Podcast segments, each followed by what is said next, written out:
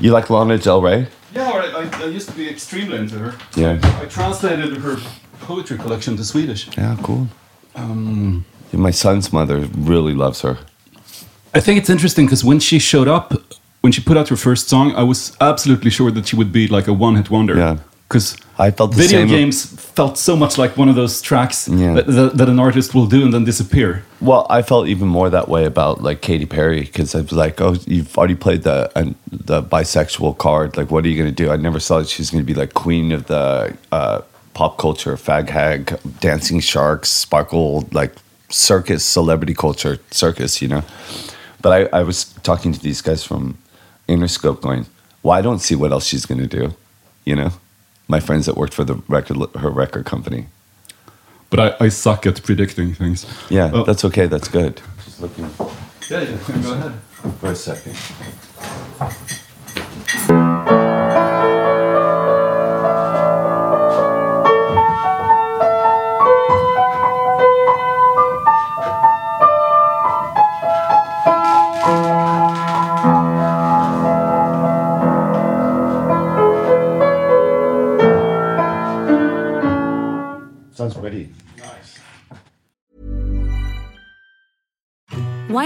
Infant formula companies use organic, grass fed whole milk instead of skim? Why don't more infant formula companies use the latest breast milk science? Why don't more infant formula companies run their own clinical trials? Why don't more infant formula companies use more of the proteins found in breast milk? Why don't more infant formula companies have their own factories instead of outsourcing their manufacturing? We wondered the same thing. So we made ByHeart, a better formula for formula. Learn more at byheart.com. Hey there, it's Michelle Norris. I'm host of a podcast called Your Mama's Kitchen. When I travel, I'm usually looking for a way to find a taste of home when I'm not at home. And one of the things I love to do when I am at home is entertain. And Airbnb allows me to do that. When I was in California recently, I rented a house that had a great kitchen. And when we were sitting around the table, we were all thinking, we're in someone else's house. Someone could be in all of our homes as well. If you have a home, but you're not always at home, you have an Airbnb. Your home might be worth more than you think. Find out how much at airbnb.com/slash host. Everyone knows therapy is great for solving problems, but getting therapy has its own problems too, like finding the right therapist, fitting into their schedule, and of course, the cost. Well, BetterHelp can solve those problems. It's totally online and built around your schedule. It's surprisingly affordable too. Connect with a credentialed therapist by phone, video, or online chat, all from the comfort of your home. Visit betterhelp.com to learn more and save 10% on your first month. That's BetterHelp, H E L P. I've been kidnapped um, by some weirdo, and now I'm in uh, this temple to like pop culture somewhere in Stockholm. Well, welcome, Anton. How nice of you to pop by. Yeah, thank you for having me. Didn't have a choice, really, did you? No, I didn't. No. Uh, how was the show last night in Gothenburg? I think it was pretty good. It was pretty good. Uh, we have a problem. Um, people, they they have subs. They have this sub uh, bass in the sound systems, and I try and have a conversation when we're playing. I said, it's not appropriate for our style of music to have this low end. They do it for DJ night. See, like uh, your your favorite artist has a laptop uh, or, or uh, iPad, and then they play, and they they're basically doing a, a, a karaoke to a you know to an MP3. So the sound systems at all the clubs are this, and it's not appropriate for music. So I had to stop songs and to say, why are you adding this this stuff? But people understood, you know.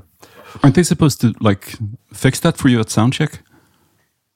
No, the problem is that they can't resist playing with their little toys. Like our our music's like jazz music, so do you see what I'm, do you see what I'm saying?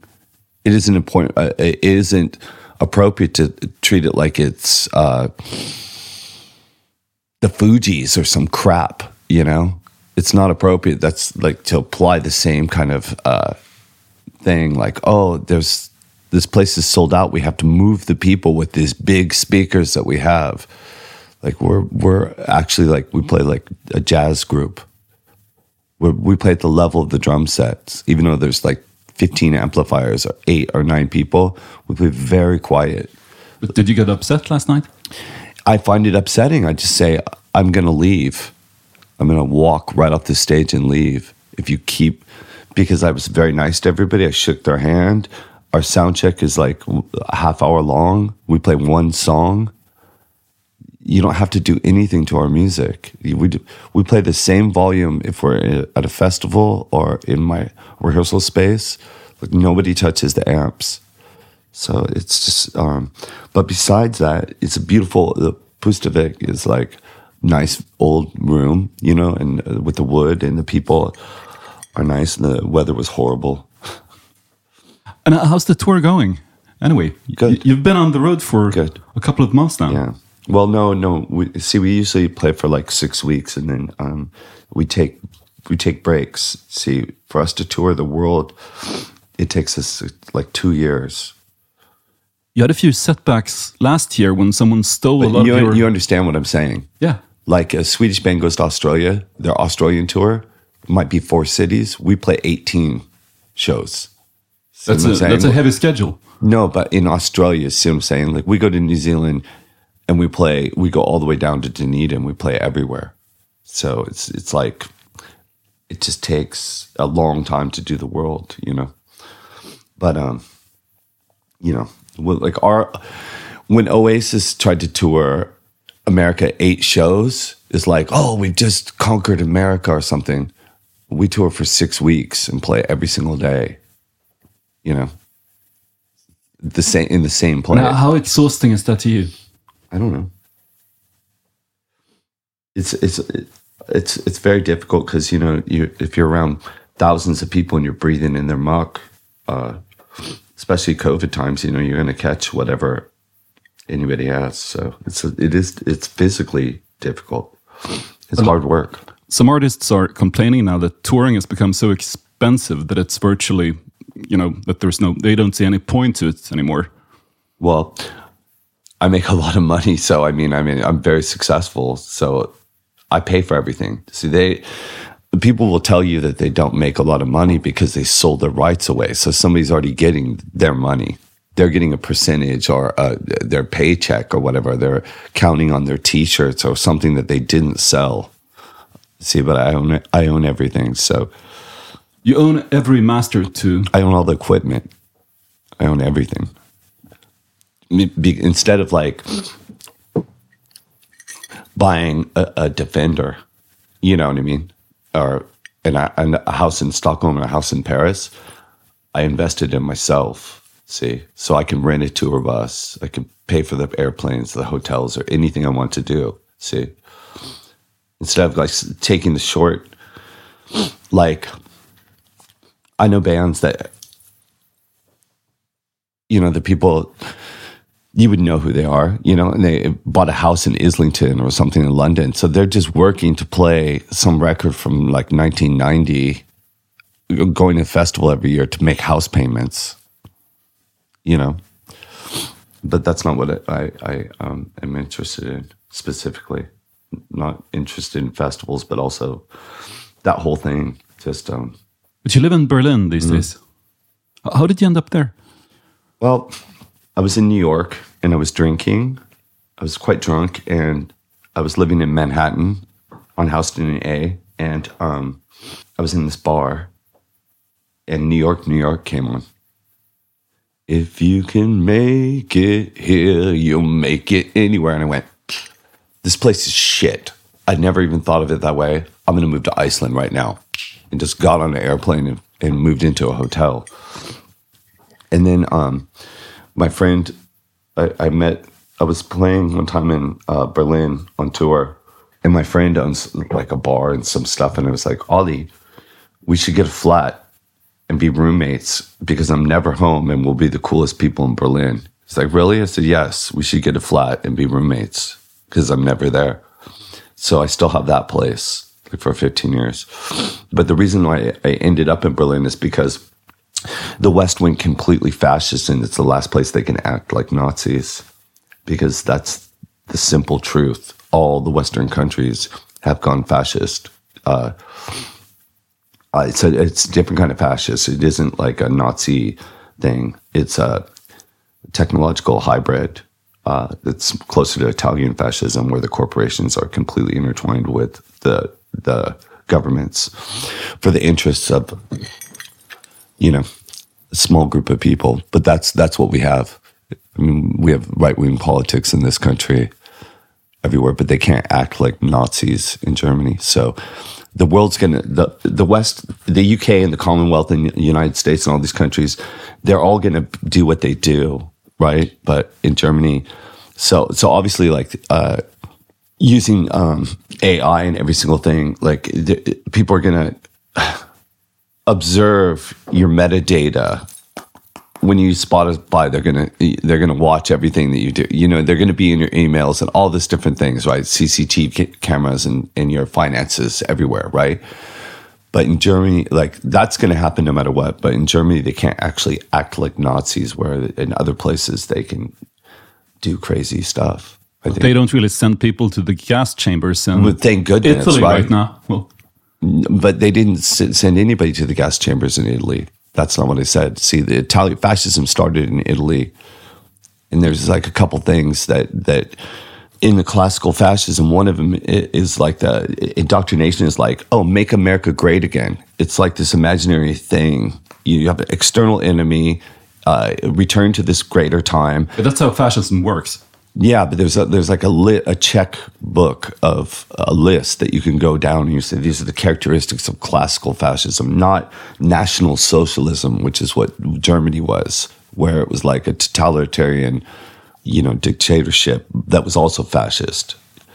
We have a different kind of fascism now, but it truly is. Anyways, so I I, I felt it was a safe place for me to be because I uh, they can't they can't be Nazis in Germany, right?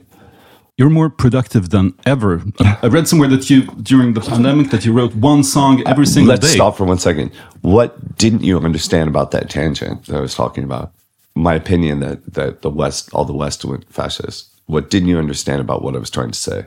I just think that you know there are, if a country is supposed to you know become fascist, it's um, it's a change that happens gradually, but until you actually have people being imprisoned for their opinions, until you have people being sent to concentration camps, until you have you know another level of violence It isn't fascism, then you're saying.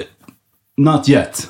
But I, I totally agree with you that there are parts that the Republican Party in the U.S. is turning into some kind of white power just party. the idea that Spotify could take all my music and not pay me or something. Yeah, but That- that's not fascism. No, but just that's an agreement. being- No, listen to me. The the government of Sweden said that's perfectly fine that this corporation can dictate the value or lack of value of this person's intellectual process.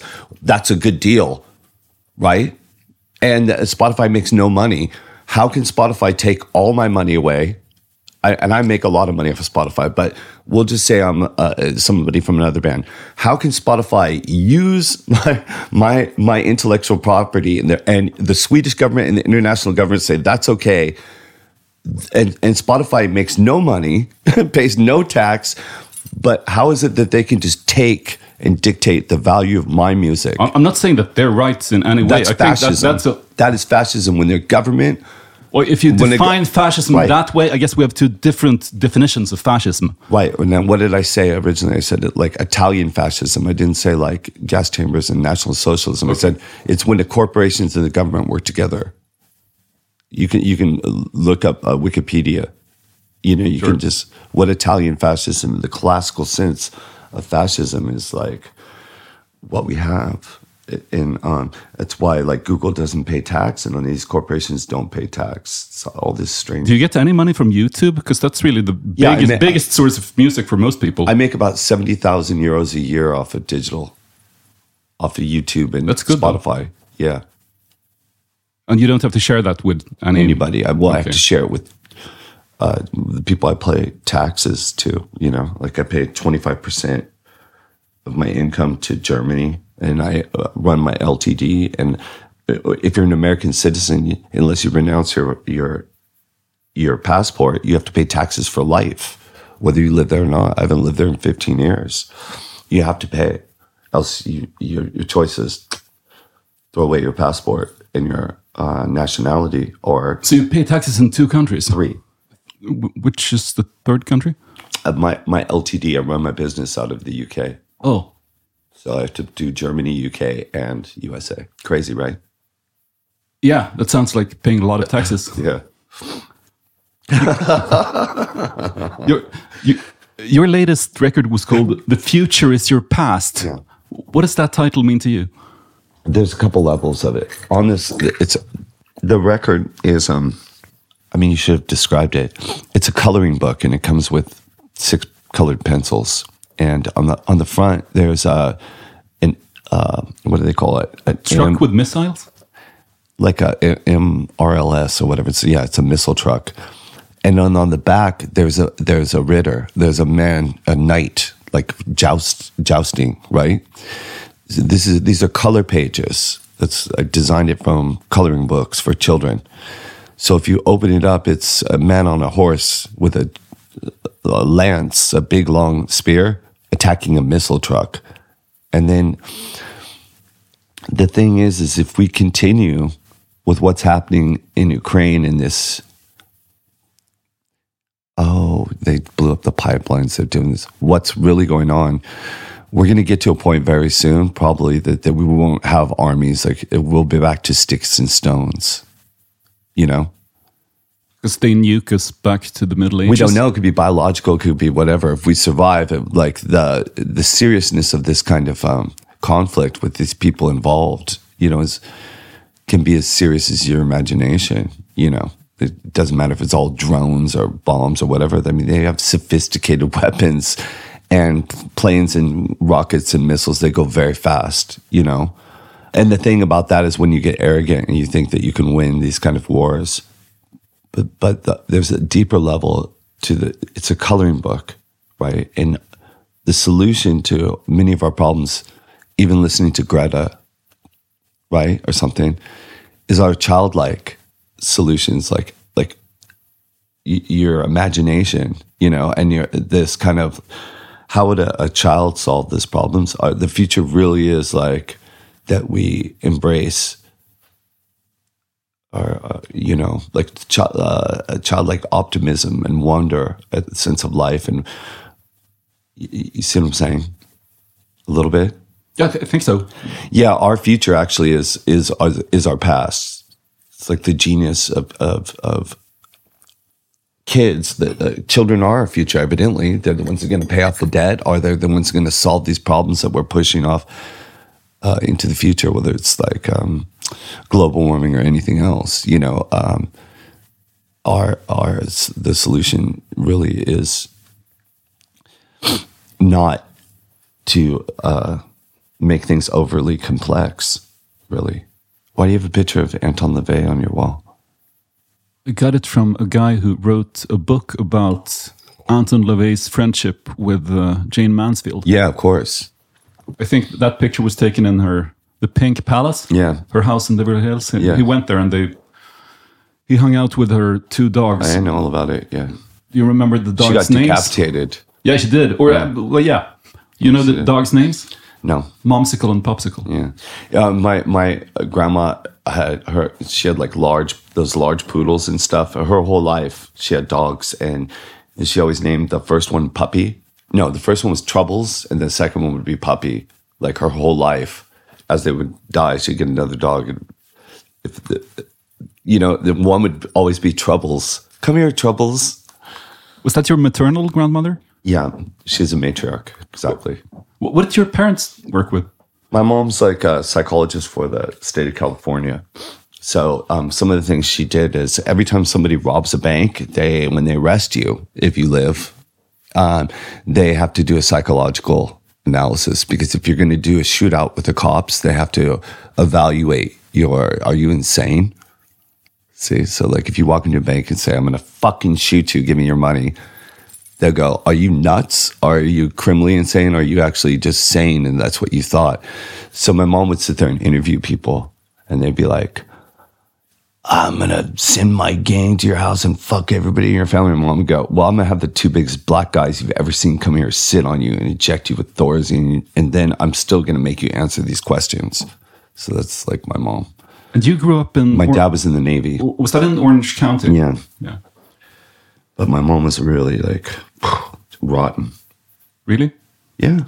Tough, the very strange I think. I think you mentioned in, in the Dig documentary Yeah. that she wouldn't like bail you out when you got in trouble. I think she mentioned that. Yeah, she did. Oh, Yeah. But, it, you know, that's fine. Because um, it's very interesting situation. See, if I got arrested when I was a kid, the the charge would be lack of parental control. Now, whose fault is that?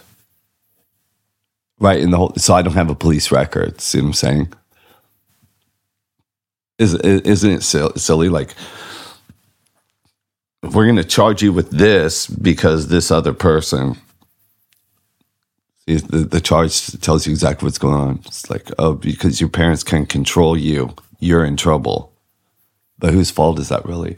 In Germany, it's exactly the opposite. I mean, you're you're financially and responsible for your uh, your offspring until they're 27 years old.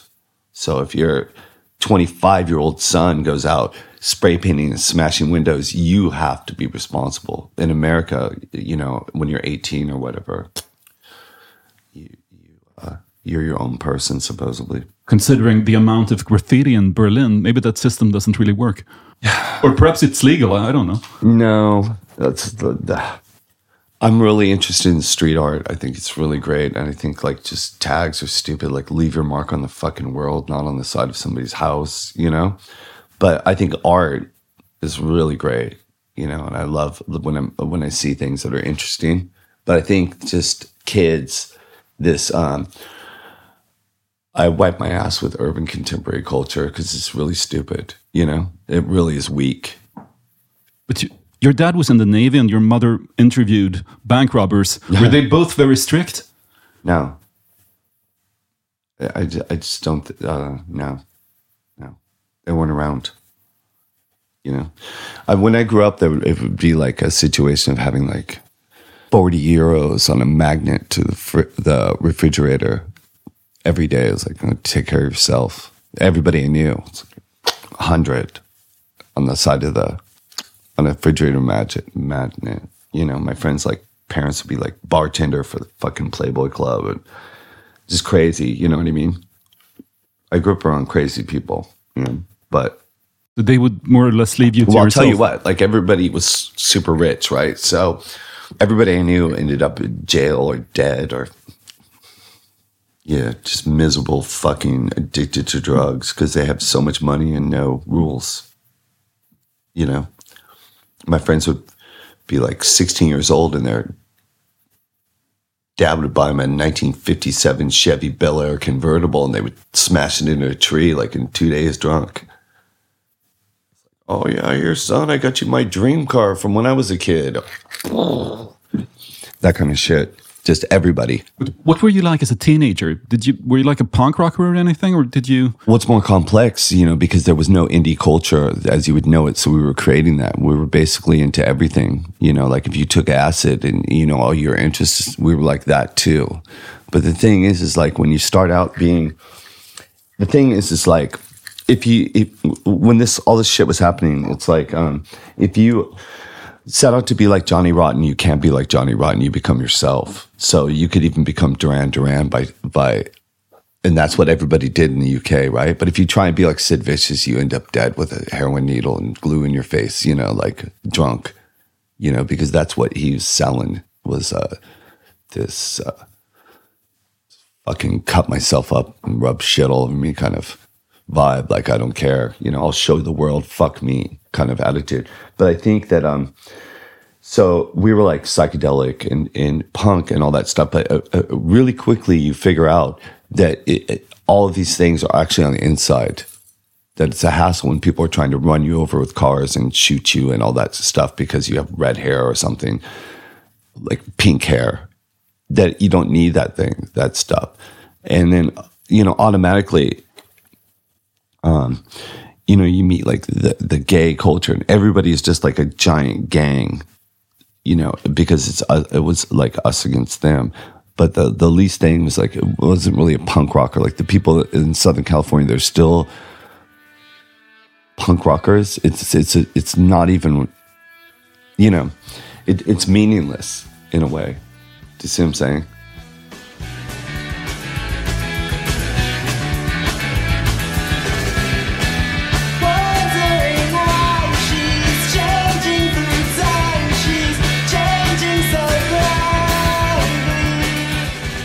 This band became the three o'clock. So it's it's psychedelic, but it's actually punk at the same time. When I was a teenager, these are just kids. You know, it's like a local band. And they're called the Salvation Army. You- Well, they, they became the three o'clock because the Salvation Army sued them. They're teenagers. Uh, they were from Orange County. I, I like, you know, like Southern California.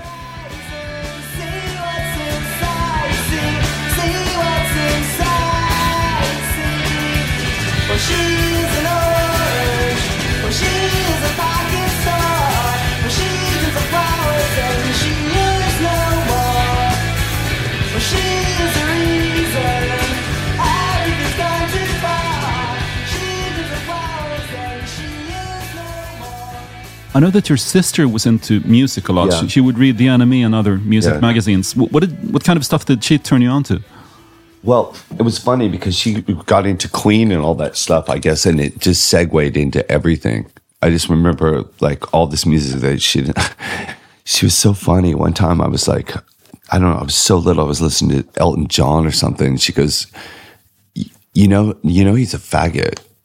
And I was like, I just start, I started crying, and I was like, I didn't even know what it meant you know, I just thought he had a wild imagination. Like, oh, here he is standing with a feather boa, you know, playing a piano, like, you know, with mirrors on it. Like, I didn't even know what it meant. It was very funny. But anyway, so she she went from um, that crap into just everything, you know. So I would steal records from her. It was quite interesting, you know, like uh, these these people with a lot of money bought this radio station in Mexico, an AM radio station, and it was so strong you could get it over half of America. At that very moment, they played new wave and punk rock and everything on this AM radio station. It was like the most powerful station. So you know, the B 52s came out with that. That first record is so amazing. It isn't that it's Rock Lobster; it's the 52 girls and 52 dances. I mean, and uh, no dances, mess around, and 52 girls and all that stuff. It's really amazing music. But it was just everything from like Pretenders to whatever, right? Um, every kind of music. But in Southern California, you know, I got to see every single band play. Right down the street from my mom's house was this club in the Damned and 999 and um, you know magazine and every single band that played in America played there. Everybody as they came out and and I used to do this. Um, me and my friends, we were like ten and eleven. We'd go to the back door, and people would stage dive. So the bouncers would grab these people and out the back door. But when that back door went open, we would just run in. you know, because they That's brilliant. Yeah. So, you could you could actually see the show. no, we would sneak into every you single in, yeah, but then you could see the show. yeah, after you- every every okay. day we'd Wow. do it because the punkers would jump off the stage and the bouncers would throw them out for stage diving, and as the door came open, we just run in right into the crowd. You know, What were you like in, in school? Did you study hard? I'm a genius. So at one point, I said I'm not ever doing fucking homework because my life is stressful, my family is horrible, and um, my time is my time. So I'll do all my work. I'll sit here. I'll do it all in five days. I'll teach the other kids how to do my work, and they're like, "Oh no, you have to stand in the corner. You you have to go speak to the principal." And fuck you, you know. Like I refuse to do homework. So that's how it was in school. And eventually, you know, because they can't technically throw you out of school, I spent all my time in art class in, in the library. And then I quit normal school and went to junior college and just took classes that I was interested in and stopped doing that because it, it, it, it's absolutely pointless. Yeah, I would be nowhere in my whole life. I would be able to do nothing if I took any advice that anybody had ever given me, basically. Did you ever consider any other like line of work than music? I think they wanted me to be in the CIA because I'm wicked, like berserker, you know, and I, I'm very hyper intelligent. So I think that's what they really wanted me to do, you know, was basically think of good, important ways to fuck people up. And uh, But did the CIA get in touch with you, or was it just something no, that no, you no, felt? no, no, no, no, no. But you know what? It'd be, the, the, the, another example is this. You know, I've been online since easily 1990, before any of you monkeys, right? Or I've been- been using Pro Tools since it was Sound Designer, right? And people offered me like, "Oh, come to Mexico and and teach DJs how you know producers how to use this stuff." And I was, I'm like, no, it's not what I'm interested in. Or, or I've had recording studios since, you know, like 95. Like I own recording studios, but I, I never have a, a, a sign up saying, come record for fucking 50 euros an hour. See, I'm not interested in working. I- I'm basically unemployable. Um, because, yeah, I don't, I don't need to, you know? Your big sister went to work in the White House Yeah, she did. when Ronald Reagan was president. What, what did she do there? Uh, well, she was the international relations major, so I guess there's there's tons of people. Most of the people that work there, unless they're appointed, are uh, do it, uh, it. Most of the people in government, most of the people in government are on internships working, uh, um, learning the you know because you can apply it in your CV in life, obviously, if you want. Some people like when they they're in school, they have a, a sense of civic mindedness, you know. But a lot of people in in government, uh, it's a revolving door because of the connections that you make with other people, you know. What does she do now? Your your sister? Emil and I phone uh, phoned her last night, and my younger sister, and um, my older sister. she gave me a tour of her new house that she built in the desert, and it's just fucking ridiculous. You know, like uh, here's my walk-in closet. Here's this guest room. Here's that guest room. Here's this guest room. Like she used her inheritance to build this fucking house with all these guest rooms. She didn't put any money aside to pay taxes on it. Like the government's gonna fucking take that shit away unless we bail out my sister. She's like not not not so bright. Apparently, your band used to be called Blur Yeah. very early. Uh, Yeah. For how long did you have that name? It didn't last very long, to tell you the truth. It was um it it, it took just long enough to till an issue NME came out that were a new band called Blur, you know. Like when they and then I, I was um, really upset, you know. I was like, "Fuck! I'm gonna um, make up something that nobody else has thought of," because people used to do that, right? At that period of time, a lot of people were into one word names, like, "Oh, here's our name." Could be anything, right? In the early '90s was a lot of you know you had a lot of bands called like, Curve, Lush, and- and- Curve. yeah, yeah, everything, right? Ride this, Ride. that, Nirvana, blah blah, you know. But then I was like, okay, well, I'm going to make up a name that nobody's ever thought of instead. And those two stories, like Brian Jones and Jim Jones. uh, Well, you know, did San first- Francisco, they had the People's Temple. Yeah, that was in San Francisco, Yeah. of course. So you, right, you, you was- knew about that growing up, right? Yeah. Well, I mean, because it was fucking shocking. Yeah. When I was in high school, you know, I, when it happened, or just very The early. Jonestown massacre. Yeah, you know, the pitch cover of Time magazine was like a field full of dead people in a tub of Kool Aid. You know, it's like, wow, this is crazy shit. You put that together Well, with you know, Brian, it was a, it was a mind control cult. You do know that. yeah, Yeah, it was. There's a lot, a lot to that. Like, there's a lot to that. Like, for instance, they adopted all the foster children and took them down there from the city. I mean, it was bananas cult. Um, but it, I did it on purpose because I didn't want. I didn't want to be like an object that could be commercialized. Wanted to be like have the illusion of being very toxic in the sense that everybody in music they're it, they they they it's like a career and it becomes this thing and they use it for other things it's like oh look it's the zombies so we're selling it for tampons Here's, what's your name you know time of the season all this shit is like a commercial right and it has been for a long time. The Beatles were a machine. It wasn't for people. It was this giant fucking machine, you know. And I never really wanted to be that. I just wanted to play music. So I all I'm doing is writing love songs, but it's funny that it's like to me, it's funny that it's completely covered in spines with this poisonous juice around it. But really all I'm doing is singing love songs. So they can have satanic fucking Norwegian death metal on TV, but they can't have my band on TV because it's too dangerous.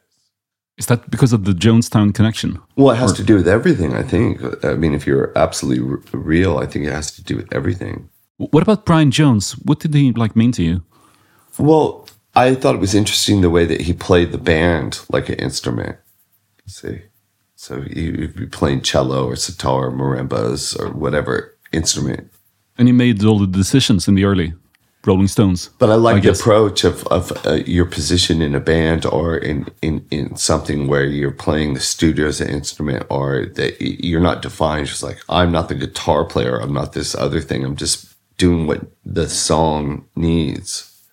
I like that. On one of your record sleeves, you write about how you spoke to the ghost of Brian Jones, Mm-hmm. and he told you to kick the shit out of Mick and Keith for ripping off his band and for having him murdered. do, do you believe that's the way it went down? Because there, there have been a lot of conspiracy theories about his death. Hmm. Well, I don't know. They didn't sue me. Speaking of that, you've never had any kind of like legal issues because of the band name, like from, you know, the Brian Jones's family or Well, anything. we're bound. Well, why would Brian Brian Jones's family is dead?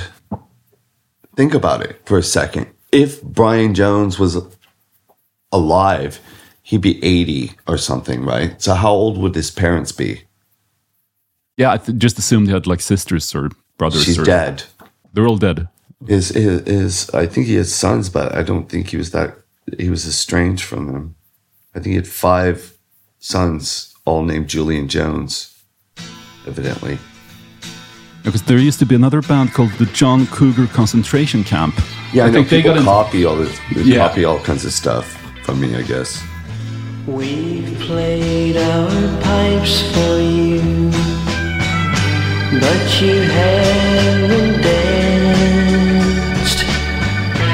We've sung our dirges, but you haven't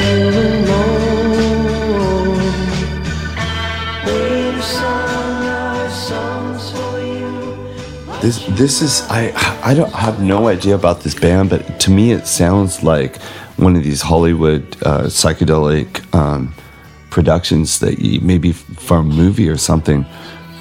I I have no idea who it is really. I have no information, but it's really well produced and the words are great. So this is Ears of Stone by the network.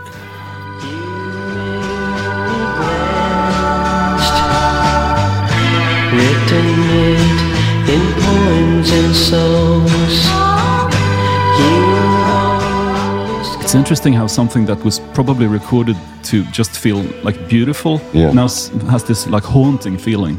Where it's a That bit is crazy. spooky. Yeah, it's crazy, spooky good.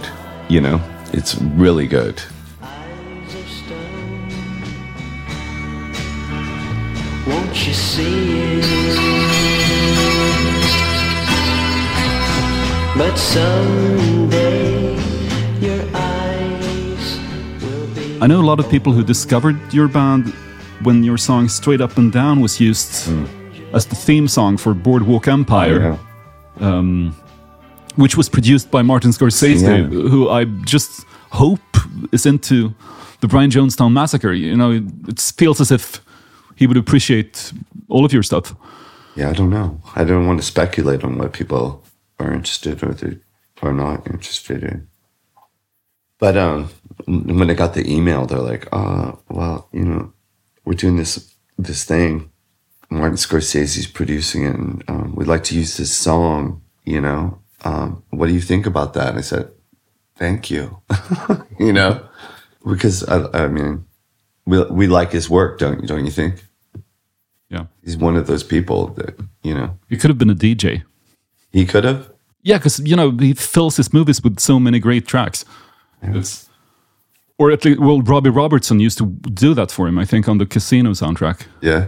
Do the sound. Well, he he picked the songs. Yeah. So, which is really an interesting job. I mean, because people, I just did a TV show, did the soundtrack for it. And uh, these people, it's called Annika. It's about a Norwegian cop who, in Scotland, this woman, Anna Nicola, no, no Nicola Walker, Nicola Walker, she's famous English actress. She's like top shelf. So this is a big deal TV show. It used to be a BBC Four radio drama. So anyways, I did the the theme song and all the music for this TV show with uh with Dot Allison, who I have a project with. She Dot Allison from One Dove. yeah, That was a Massive great band. We have a band together. It's You crazy. Yeah. Wow, I loved One Dove. we have a new record coming out. It's really fucking good. So, anyways, um, I asked Dot to to do this show with me, and the funny thing about it is these people, ah, fucking idiots. You know, the producers. First of all, they didn't get that music is back in all the successful films and TV shows. Music features very prominently. Like the songs hit you. You know, if you look at like Succession or something, how loud is the music in that? You know, it's like singing hip hop in the back but it really makes it for a better show, you know. And all of the shows are like that now. They really think about music, and these people did not get that at all. They didn't get that for sixty years in cinema, there was just music and film. There was no talking at all. Music and film. That's how tied that music is into film. You can make a great film much better with, uh, you know, it doesn't matter what it is. Singing in the rain, you know, you you you you go in, you watch a movie, you you walk out, and you're humming the the music. You know, there's there's raindrops keep falling on my head. Yeah, Butch Cassidy and Sundance. There's like a million different movies where Speaking of movies, how much did the Dig documentary mean to you? nothing. Nothing. It Well, we set, well, we set out to do one thing. See, like I know this woman named An- Angela Strong, uh, and and she loaned Andy a bunch of fucking money. Angela, her her grandfather or something founded one of the biggest. If I told you the name of this company, you would know exactly who they are. In fact, everybody on the planet would know who they are. So, anyways, she bought the, this like um, spy cameras, plane tickets, Avid, which is the editing. It's not iMovie, it's Avid, right? Which Pro Tools comes from that, which is the recording. All this shit to do this, and what we were basically doing was we were covertly filming the process of what the the the record. See the music business music is a tiny word music.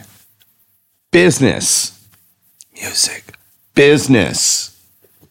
You know the entertainment business is makes more money right? Hollywood they make more money than sweden.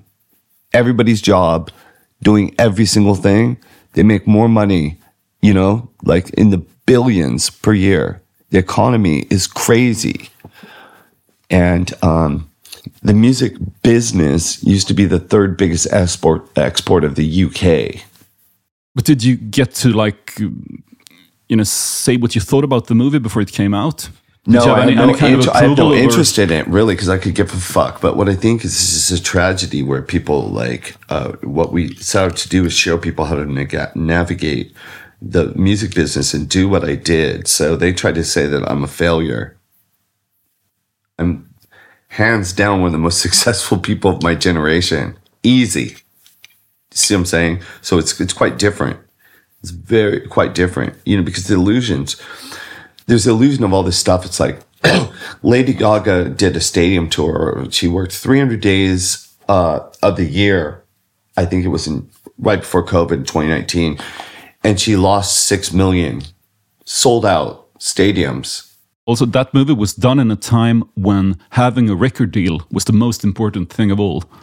but uh, for me, a record deal was like a means to an end.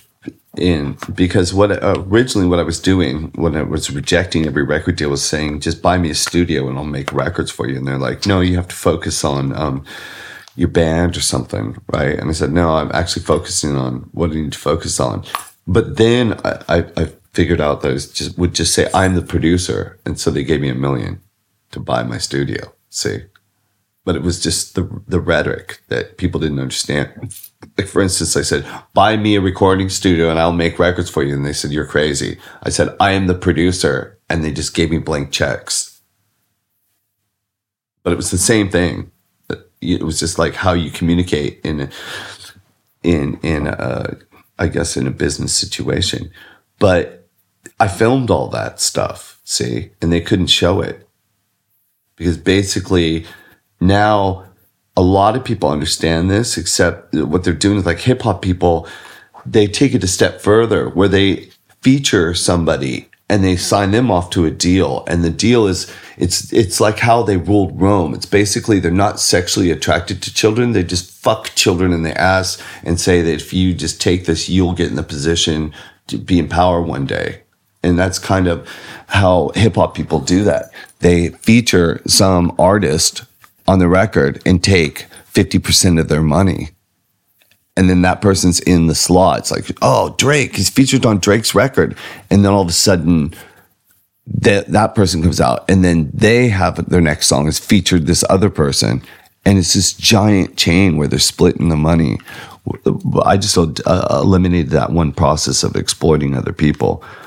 But um, the the industry wasn't too interested in me showing Exposing it, no. No, of and no nobody consented to that stuff. See, the, the the problem with Andy as a as a movie director, she didn't get releases from me or anybody, so she basically fucked herself out of a giant movie. Where if she could have just said, "Could can I get you to sign this release?" She could have had the keys to the kingdom. But you know, um, Do, do you think that movie gives like a fair idea of who you are as an No. artist, or do, do you think no, people no, get? I'm not even discussing anything in the whole fucking movie. So I can speak in sentences that have like 30 words in them and make perfect sense. They don't have me uh, discussing anything really. So you can't you you can't um you really have no sense of, of who I am as a person because I mean I'm I'm I'm I'm an, an intellectual as much as I am a fucking berserker, you know. So I, I don't think it gives an accurate picture of anything. I mean, I'm a, I'm a brilliant sculptor. It doesn't show any of that. I'm I'm uh, interested in horticulture. I'm great at plant uh, uh, growing things and cooking and yeah, I saw you on Anthony Bourdain's cook show. know Where you cooked uh, lamb chops or a lamb steak? chops. Yeah. No, actually, just legs of lamb. Oh, Yeah, and was Anthony Bourdain a fan of yours? yeah. Evidently, you can Google it. Evidently, he liked my music the most. I watched that on YouTube, and someone wrote under the clip, "If you told me Anton would outlive Anthony Bourdain, I would have lost one hundred dollars." Yeah. That's another line from the Dig documentary. Someone saying, "Anton, please don't die." But have people been worrying so much for, for you? Well, the, uh, the irony is the whole music business died. you know what I mean?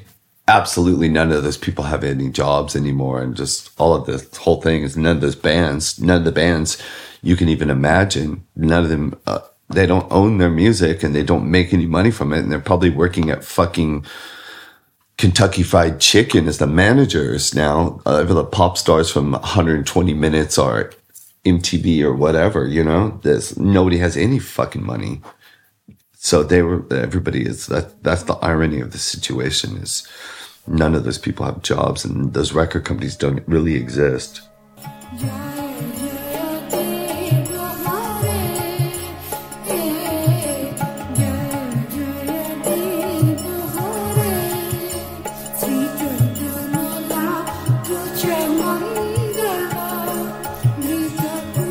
Okay, this is kind of an interesting song because um, there's a group, a, a German group, Popol Vuh, and you know, uh, they're they're loose, loosely part of the kraut rock and, and kind of you know this kind of thing. And um, this guy from this band, he was actually producing some sacred Hindi bhajans. It's like temple music almost, you know, spiritual music. And um, but he's playing along with it, and some Italian guy broke into his studio and stole the master tapes and released it in Italy as a bootleg or whatever as Popol Vuh, but really it's just these Indian people playing this like secret, uh, sacred, uh, personal music, and they're suing forever to to stop this bootleg from being. And then finally they realize they're like, this music has reached so many millions of people that we never would have.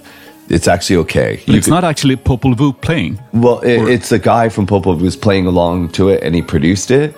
But it was somebody stole the tapes and said, "Oh, th- look at this crazy Popol Vuh record that nobody has." And then, then so the the the people from India were like, "This is not fucking Popol Vuh, and we're suing you. You know, stop this. Just try and stop." And they, they, for years and years, they're trying to stop this bootleg, and then they went, actually this has reached so many people this is this is good so you could call it Popol Vuh if you want but put our name on it too I have the soundtrack that they wrote for Werner Herzog's Yeah. Nosferatu remake, Yeah. which I only know about because uh, the Swedish band Ghost Yeah, used this does- uh, as an intro. yeah but he does it, it, in all their all their stuff like you know the wrath of God like all that's all this stuff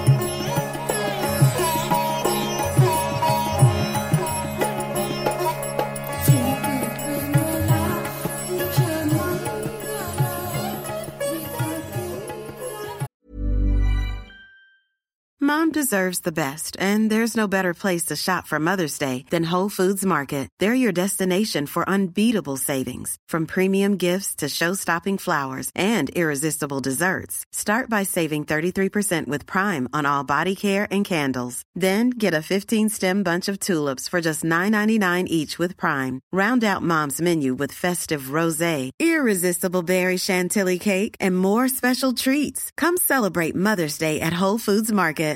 Here's a cool fact a crocodile can't stick out its tongue. Another cool fact you can get short term health insurance for a month or just under a year in some states. United Healthcare short term insurance plans are designed for people who are between jobs, coming off their parents' plan, or turning a side hustle into a full time gig. Underwritten by Golden Rule Insurance Company, they offer flexible, budget friendly coverage with access to a nationwide network of doctors and hospitals. Get more cool facts about United Healthcare short term plans at uh1.com. A lot can happen in three years, like a chatbot may be your new best friend. But what won't change? Needing health insurance. United Healthcare Tri Term Medical Plans, underwritten by Golden Rule Insurance Company, offer flexible, budget friendly coverage that lasts nearly three years in some states. Learn more at uh1.com. I read this interview with you where you compared how you work with the members of your band to how um, the football superstar Ronaldo would work if he was to play in a team with six year olds. Is it difficult to find people who like live up to your expectations? that's not the point of what I was saying. What what is uh, what I'm saying is, um, you have to read the Art of War. Do you know what the Art of War is? Uh, like a J- Japanese Chinese. philosophy of- Chinese. Oh, Okay, it's old, but one of the principles is we're not in the time of heroes, right? A, a army that works is well trained and operates together as a one unit is better than one hero who just goes out and fucking stands up. You're going to lose against if everybody's doing to the best of their ability. One hero will lose against a team that works together. See, we're not in the time of like heroes because combat used to be before that. It would be a bunch of um, wealthy people with a hero. Like the wars in China were literally, you know, you'd have like 150 rich guys on this side, 150 with this like, you know, this prince guy coming up and fighting, you know, a duel. Basically, it wasn't everybody killing everybody. And the the, the point is, is like you could be Yngwie Malmsteen or whoever, right, playing some guitar solo, but you're playing in a shit band, you're in a shit band.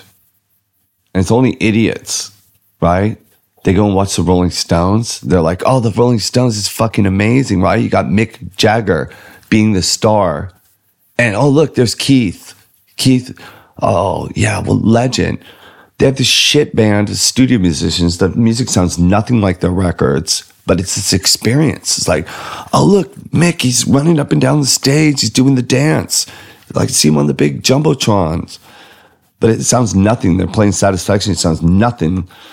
But I could play play exactly like the record on any amp with any guitar. Just start playing, you know. But they just do that because they can, unless they don't give a shit. And then most people are that stupid that they they like that kind of stuff. But it's a mockery of their own work. That's no, you know, it's like buying a ba- banana and you you get like um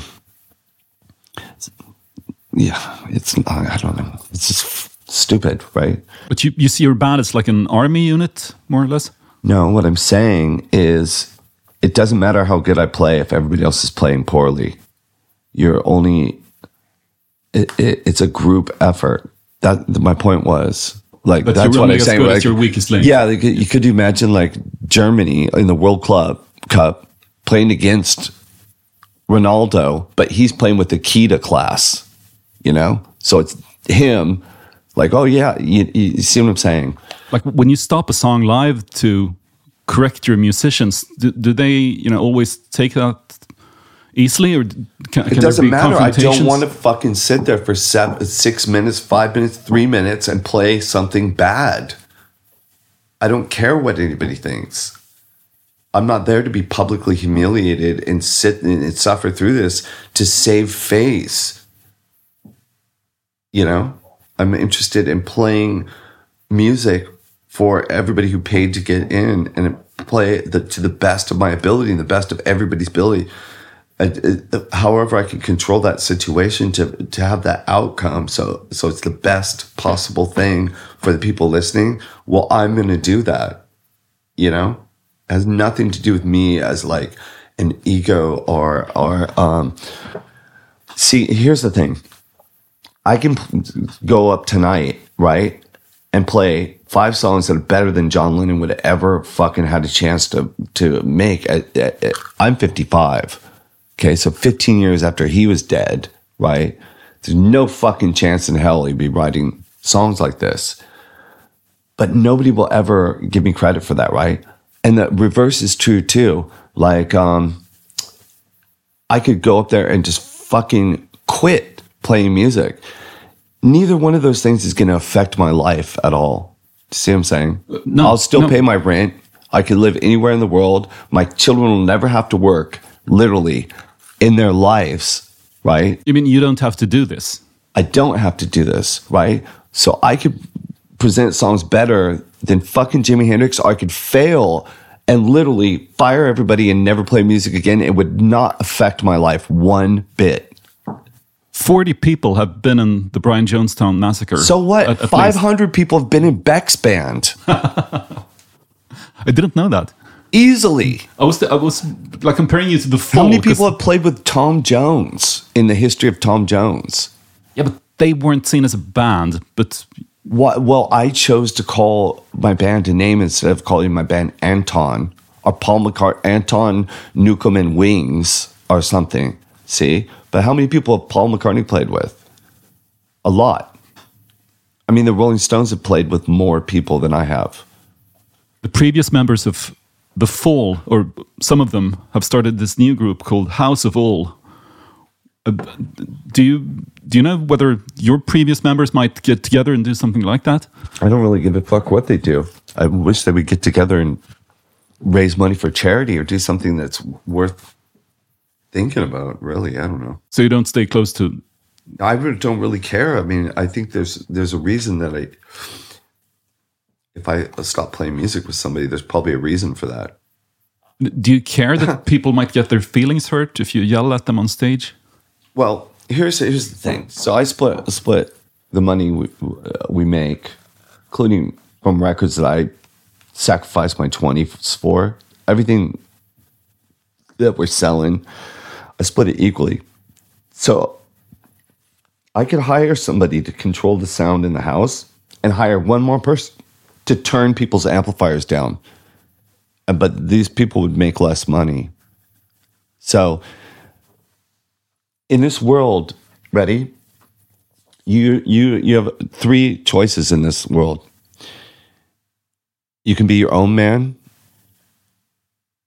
You could be somebody else's man who cares about you, or you could be somebody else's man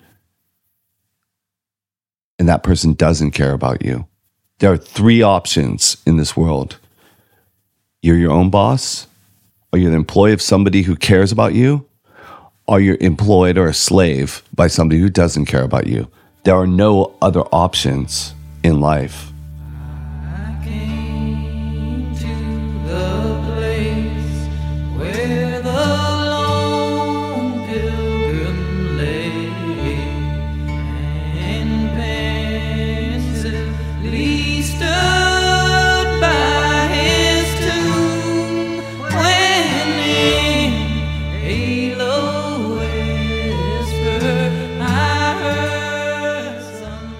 Evidently it was a cult, a Christian cult, like hippie cult.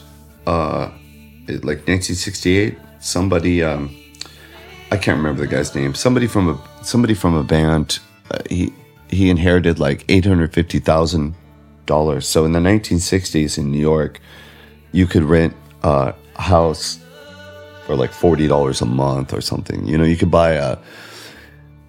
In 1968, you could probably buy a Ford Mustang new for eight thousand, maybe or seven thousand. So if you were to get hundred or eight hundred fifty thousand, you could you could buy a lot of things. So somebody bought a loft in a recording studio and uh, started producing stuff. And this is like a Christian cult, uh, uh, and it's really amazing if you listen to the words. But you have to really listen because it's kind of in that broken jaw style country.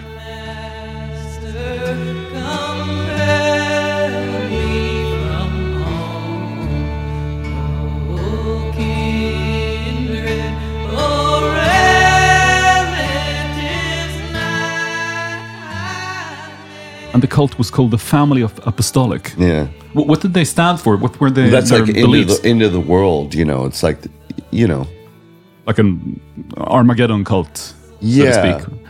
but yeah, You get this like Irish folk music vibe from it, but it but it's heavier. Like he's talking about, um, he's talking about when he's dead, and that they're uh, t- telling his loved ones not to weep for him because they, you know, like he, he, he didn't. uh Yeah, you you have to listen to the words. It's really quite amazing. not for me now I'm gone the same and that You've worked a lot with um, the Swedish band Les Big Byrd Yeah. and their leader Jocke Åhlund. Yeah, And you even sang in Swedish on their Yeah. track um, Vi borde prata men det är för sent. yeah. And then you wrote another track in Swedish yourself. W- What appealed to you about the Swedish language? Well, I write in all kinds of languages. You know, I have a French band with Roman Polanski's wife, Emmanuelle Seigner. I write in all kinds of languages. I live in in the center of Europe, basically one one of them. Right, Berlin's pretty much very central. You know, uh, But I, I was surprised by hände med because your accent is really good. that's Jocke singing. Oh, it's not you singing. Oh, okay. I, th- I thought that was you. Like, God damn, he's really good in Swedish. Yeah, I know. Oh, okay, okay. I thought it was really cool, um, too. But yeah, that's that's okay. You know what I mean? It's okay. So you wrote. I mean, a lot of people. A lot of people think that Elon Musk invented rocket ships and electric cars. He didn't do anything. He did it. He's a He just had other people work for him. No, he's a used car salesman that works for basically uh, DARPA, which is America. Uh, it's basically like the scientific wing of the CIA, kind of DARPA. You know what that is? You know what I mean? Like it has to, a little bit to do with the academic side of things, like MIT. You know, then they have the spin-offs with the robots that are running. You know, like Boston Dynamic and all that stuff. You know are for the the COVID shit. You know the what's their com- what was their vaccine? You know what I mean? Like, um. Anyways, Were you friends with Genesis P-Orridge? I mean, He, he appeared in Dig, which Yeah, surprised me a bit. I didn't know that he had any kind of relationship to either you or the Dandy Warhols. well, he he liked my band. He um. They give us they give us the studio to do, take it from the man, which circling back to the Martin Scorsese with the Boardwalk Empire, that's where I recorded that. I used to basically hustle people for studio time, you know, because everybody was like, "Oh yeah, uh, you're going to be bigger than Nirvana and all this stuff," but basically they wanted um, fifty percent of the money or all the money or something, and I would just like go, "Okay, blah blah blah blah," you know, How much do you think about fashion? not very much. No, I just think it's interesting that you've grown to look more and more like Neil Young in like the late 60s. Well, that's weird because he probably looks like um, me when you think about it. Because like my grandpa wore uh, jean jackets. I've been wearing Levi's my whole life, you know. So I guess it's the sideburns as well. But you've had those for yeah, ages. yeah, well, I had them forever, right? And in the early 90s, you wouldn't see a lot of people I mean, we're both we're, uh, we're both white guys with straight hair and that play guitar. what about Do you pajamas? think? Do you think all Chinese people look alike? no, because that's racist. So I wouldn't. Well, no, because Well, they think that we look alike, don't they? I don't know what they think. I don't generalize like that. I've heard a lot of Japanese people say that Europeans all look alike you know, with their big noses and There's kind of there's kind of three different types of Japanese people though. There's like uh, the children of the sun. There's indigenous people like from Hokkaido, and there's people that are basically Korean uh, of Korean descent. You know, like the en- there's enemy looking Japanese, and there's like more round with facial hair Japanese from Hokkaido in the north. The indigenous people of the islands. It's very interesting. Speaking of fashion, I've seen a lot of pictures with you in pajamas. Yeah. And I, I read somewhere that you kind of used pajamas as a way to not party too much because you. No, no, no. But it's just important when you're on a uh, tour bus for a month or two. And there's alcohol and people, and everybody's got everything going on, and you could just keep going and going and going. It's important, I think, when you're done with work to, to like put on, uh, switch your clothes off and uh, rest.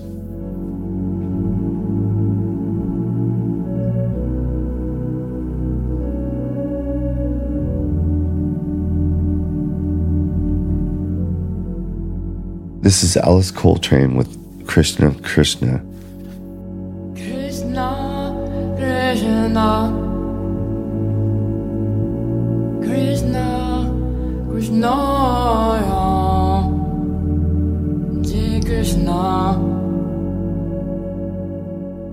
There's more than one version of this song. Uh, like sometimes she's playing like Casio organ or some shit like that. And but her son released these. I think it was very personal from her ashram or something, you know. And um, the interesting thing about it is, is she's playing like this African American gospel church organ, and at the same time she's she's using this uh, the sacred geometry, the harmony of the spheres that her uh, that her and her husband were very aware, aware of John Coltrane, and there, you can you can Google diagrams where it's like basically uh, a flow chart for the relationship, the the mathematical ratios of what note goes with the other note. So it's like a full spectrum, like a rainbow of sound. So she's doing that, but then on top of it, she's singing in Hindi, an Indian dialect, um, and it's a devotion, a devotional. It's Krishna, Krishna, but it's not Hare Krishna, Hare Krishna like that. It's Krishna is like an aspect of God, uh, the compassionate and artistic uh, side of God, the deity, and she's thanking um, Krishna for his consciousness, which is this. Uh, you're basically an echo of the creator or aspect of God, and it's amazing. It's an amazing song.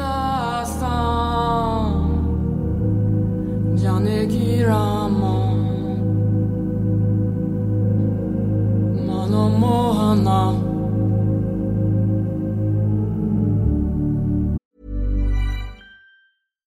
Deserves the best, and there's no better place to shop for Mother's Day than Whole Foods Market. They're your destination for unbeatable savings, from premium gifts to show-stopping flowers and irresistible desserts. Start by saving 33% with Prime on all body care and candles. Then get a 15-stem bunch of tulips for just $9.99 each with Prime. Round out Mom's menu with festive rosé, irresistible berry chantilly cake, and more special treats. Come celebrate Mother's Day at Whole Foods Market. Hey, it's Danny Pellegrino from Everything Iconic.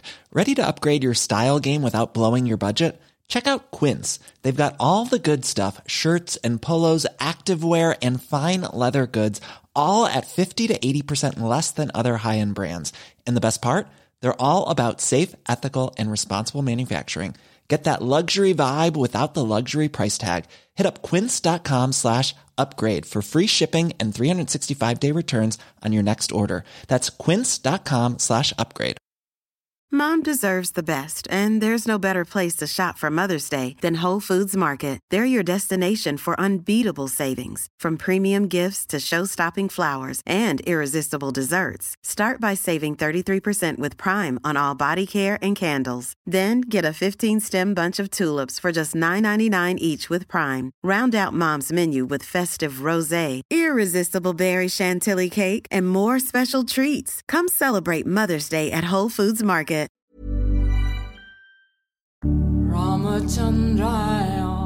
I discovered her when I I read an interview with Bobby Gillespie, who was Yeah. very much into the album Journey to Satchidananda. Or My friend's dad played bass on that song. really? Yeah, Charlie it's, so, it's so beautiful. yeah, it's amazing. Pharoah Sanders. Yeah, love that record. It's pretty far from the music that you associate with Hare Krishna. in, in, in, a, in a situation like paganism, like Vikings are uh, in India, where you have this whole pantheon of gods, right? It's not actually that there's 10,000 gods, it's that there's a different aspect. See, like, like in, in, in Hindi, there's a monkey god, Hanuman, right? But it isn't that there's really a monkey that's a god. It's a, that aspect of God doesn't know that it's God. It's actually a person. See, it, does, it doesn't have a clue. It's just like a fucking monkey. So there's these different aspects of God. So Krishna, Krishna, the, the Hare Krishna is a cult. That's a cult. It's completely different than Krishna The Hindu god. Right, but it's based on it. See, because first of all, it, it, are you ready for this? India's a caste system. You're born into it. You cannot join the Krishna. You can be a devotee. You can like you can appreciate it, right? And you can volunteer at a temple, but you can't join it because you're born into it. It's a caste system. You're reincarnated. Do you see what I'm saying? You can't join it. You can't join. You can't convert. You can't because you're born into it. It's a life cycle. But you can be a, you can be appreciative of it. You can be a de- devotional. You can work with it. So that's why um, Hare Krishnas are a cult. You can't join. You can you're like born into it. So, anyways, um, but she's in an ashram, so she's just appreciating. See, appreciating these aspects of this aspect of God, which is Krishna. It's like Krishna is like their Jesus, and the essential teaching of uh, Christ's message is compassion. That's what people miss, but it's very similar to that. Like, not what you would think of like uh, American Christianity or something. It's, uh, if you if you understand it, it's just compassion. Do you believe in God yourself? Sure. I read um, The Doors of Perception by Yeah. Aldous Huxley, where Yeah, he talks about how like the need for psychedelic experiences has been present Yeah. in a lot of different religions. Oh yeah, but before that, just in general, yeah. So, what kind of faith do you, do you pursue? Well, see, uh, that doesn't make any sense what you just said. In an abstract sense, you can you can label something a faith, but having faith is something that you if you either have faith or you don't have faith.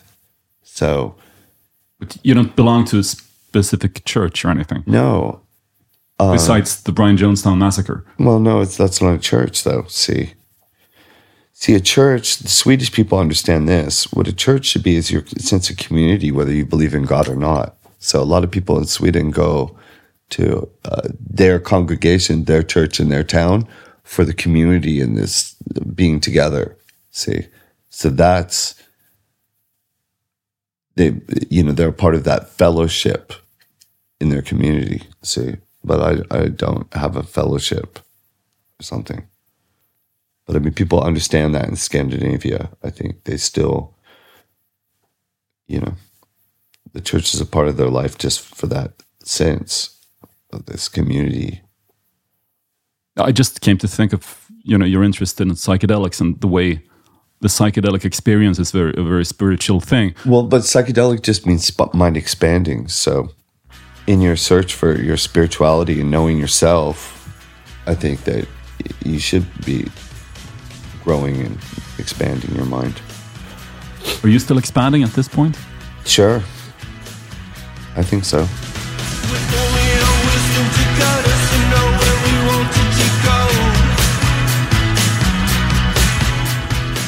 We really must be going. Yeah, I need to smoke a cigarette. Anton, it's been a true pleasure to have you here. Thank you so much. Yeah, thanks for inviting me over to your place. There are lots of interesting things to look at. Very, I, I really like that. I should have brought you a statue or something.